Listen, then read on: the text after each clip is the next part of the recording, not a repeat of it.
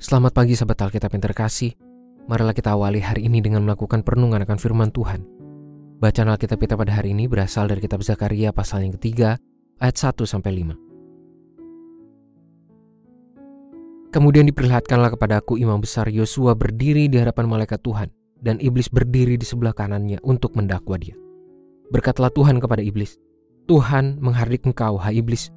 Tuhan yang memilih Yerusalem menghardik engkau Bukankah orang ini puntung yang telah ditarik dari api?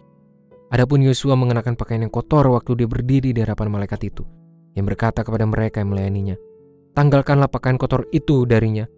Kepada Yosua ia berkata, Lihat, dengan ini aku telah menyingkirkan kesalahanmu.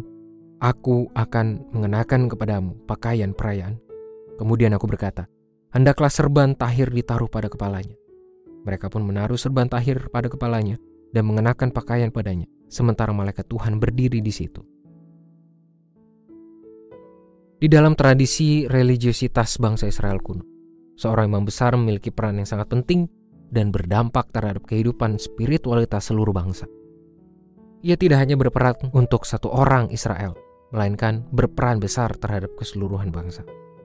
Itulah mengapa kehadiran figur Yosua, sang imam besar dalam penglihatan Nabi Zakaria, memiliki pesan-pesan begitu mendalam untuk orang Israel yang sedang berada dalam masa pembuangan. Penglihatan yang tercatat dalam lima ayat ini merupakan gambaran mengenai situasi persidangan ilahi untuk menentukan keputusan terhadap bangsa Israel. Yosua, sang imam besar, merupakan figur simbolis terhadap seluruh umat Israel yang sedang mengalami pembuangan. Hal yang menarik adalah Yosua yang idealnya dianggap sebagai sosok yang penuh keagungan, justru tampil dalam kondisi yang begitu mengenaskan. Pakaian kebesaran imam besar yang penuh dengan kemewahan pun tergantikan oleh pakaian kotor pada diri Yosua. Hal ini merupakan simbol dari keberdosaan yang sudah merusak diri seluruh bangsa Israel. Ditambah lagi, iblis sang pendakwa berusaha membuat Yosua mendapatkan hukuman besar atas seluruh kekotoran yang ada pada dirinya. Namun alih-alih menerima dakwaan si iblis, Tuhan sebagai kepala persidangan ilahi itu pun justru menghardiknya.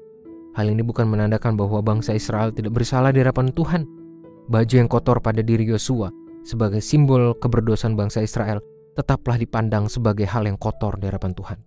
Itulah mengapa Tuhan memberikan perintah agar Yosua diberikan baju yang baru sebagai simbol pembersihan seluruh bangsa Israel dari dosa-dosa mereka demi melanjutkan hidup mengenakan pakaian yang baru.